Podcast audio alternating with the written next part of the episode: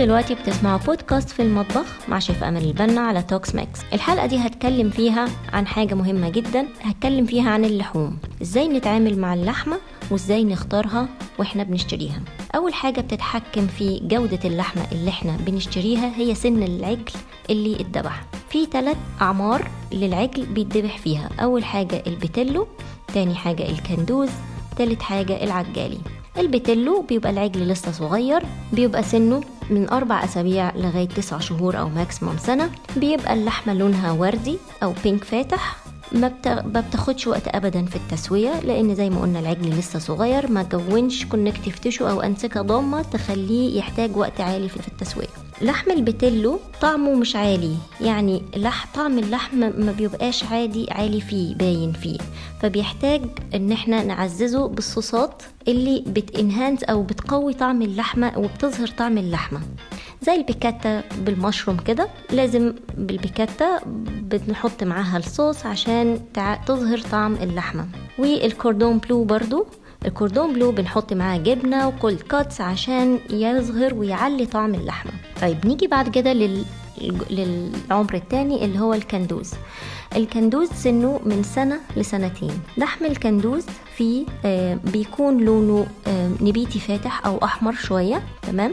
لحم الكندوز بيجود في كافة أنواع الطهي بس ده بيعتمد على نوع القطعية اللي بنشتري منها وده اللي هنتكلم فيه عن في البودكاست اللي جاي إن شاء الله. بعد كده العجالي. العجالي العجل خلاص بيكون كبر سنه كبر بعد سنتين فبتبقى الأنسجة بتاعته tough وصلبة فبيحتاج طرق طهي توافقية أو رطبة. يعني بمعنى لازم يبقى فيه مية أو سائل ليكويد في الطبخة وإحنا بنسويها زي السلق زي الطواجن واليخني.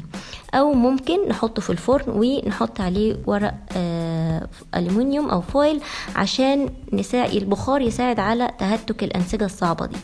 لحم العجالي بيبقى لونه أغمق من الكندوز بيبقى لونه أحمر قاتم شوية وزي ما قلنا بيجود في طرق الطهي التوافقية أو الرطبة. بعد كده هنتكلم عن تغذية العجل. إزاي نعرف العجل ده متغذي صح أو متغذي بطريقة مش كويسة؟ في حاجة بتفرق لنا وبتبين لنا هل كان العجل ده متغذي صح ولا غلط؟ هي الدهون. الدهون بتاعه العجل الدهون بتاعه اللحمة. لو كانت جوه حتة اللحمة يعني بتبقى باينة زي اسمها دهون تجزعية أو ال marbling. ده الدهون دي معناها إن العجل ده كان متغذي تغذية سليمة. والدهون اللي جوه اللحمة دي زي اللي موجودة في حتة الستيك من جوه بتبان قوي. والدهون دي هي اللي بتعلي طعم اللحمة وبتدي flavor للحمة وبتديها طعم حلو جدا. الدهون الخ... لو كانت خارجية يعني يعني لو جبتوا العرق ولقيتوا كمية الدهن عليه من بره كبيرة أو الفخدة أو أي حاجة لقيتوا ال... تبقى قطعية prime cut يعني قطعية كبيرة. لو لقيتوا ال... الدهون بتاعتها خارجية وكتيرة يبقى العجل ده ما كانش متغذي تغذية سليمة كان متغذي التغذية اللي بتكبر في حجمه ما بتكبرش في لحمه. هتكلم دلوقتي عن طريقة حفظ اللحمة ودي جزئية مهمة جدا لستات البيوت خاصة في العيد الكبير. اللحمة أول ما بتتذبح. إحنا طريقة الذبح الإسلامية بتاعتنا بت بتخلي العجل لما بيتذبح بيطلع كل الدم بتاعه بره جسمه. فمعنى كده إن إحنا دي نقطة تانية بقى. إحنا لما بناكل لحمة ونلاقيها من جوه بينك دي ده مش دم دي اسمها عصارة. ودي اللي بتعلي طعم اللحمة معانا. أول حاجة العجل بيتذبح وبيصفي كل الدم بتاعه بنديله فرصته يهدى خالص ويخلص التشنجات وكل حاجة وينزل الدم بتاعه. وبعدها بيتم حفظ تقطيع العجل.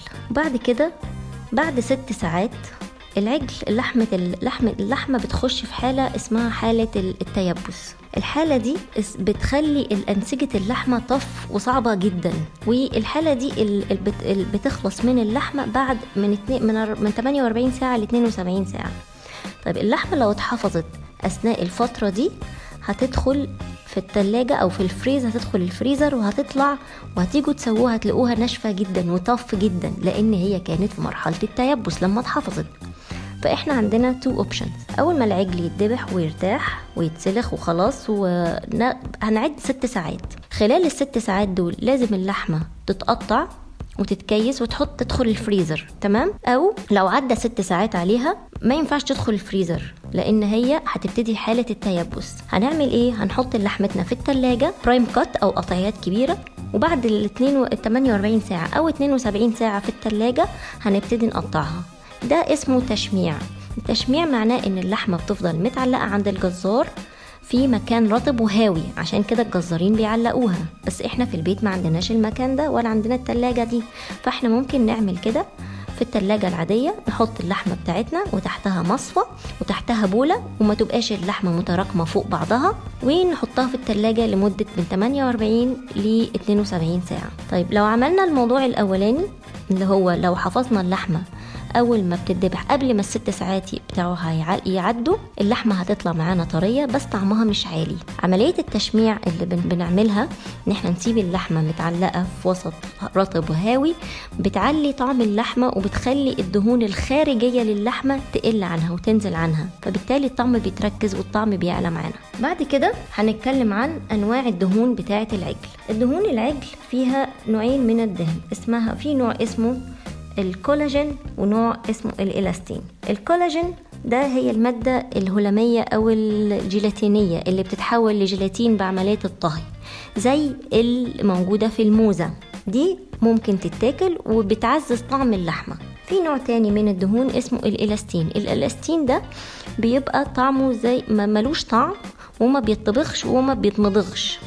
ما ينفعش يتمضغ ده اللي بيبقى موجود زي اللي موجود على العرق الفليتو اللي اسمه ال silver skin لو تم الطهي بال silver skin ده ال ال ال العرق هي هيكش لأنه الطبقه الدهون الاستين اللي عليه لو اتطبخت لو اتطبخت هتكش وهتستوي قبل اللحمة. هي مش هتستوي الحقيقة هي هتكش وهتكشش حجم اللحمة. فبالتالي هيبقى التسوية مش تمام. دي حاجة. الحاجة التانية هي غير قابلة للمضغ فدي اللي هي عند الجزارين اسمها الشغت فيا ريت الإلاستين ده لما تلاقوه أو آه، الشغت أو ال silver skin يتم التخلص منه. في حاجة تانية اسمها الدهون التجزعية أو ال marbling. الدهون التجزعية دي هي اللي بتبقى موجودة جوه قطعة اللحمة زي ما قلنا قبل كده زي الموجودة جوه الستيك وهي اللي بتعلي معانا طعم اللحمة. يا ريت ما تتخلصوش منها وتفضلوا تقولوا للجزار شفي لي اللحمة شفي لي اللحمة لأن الدهون دي هي اللي بتطعم طعم اللحمة.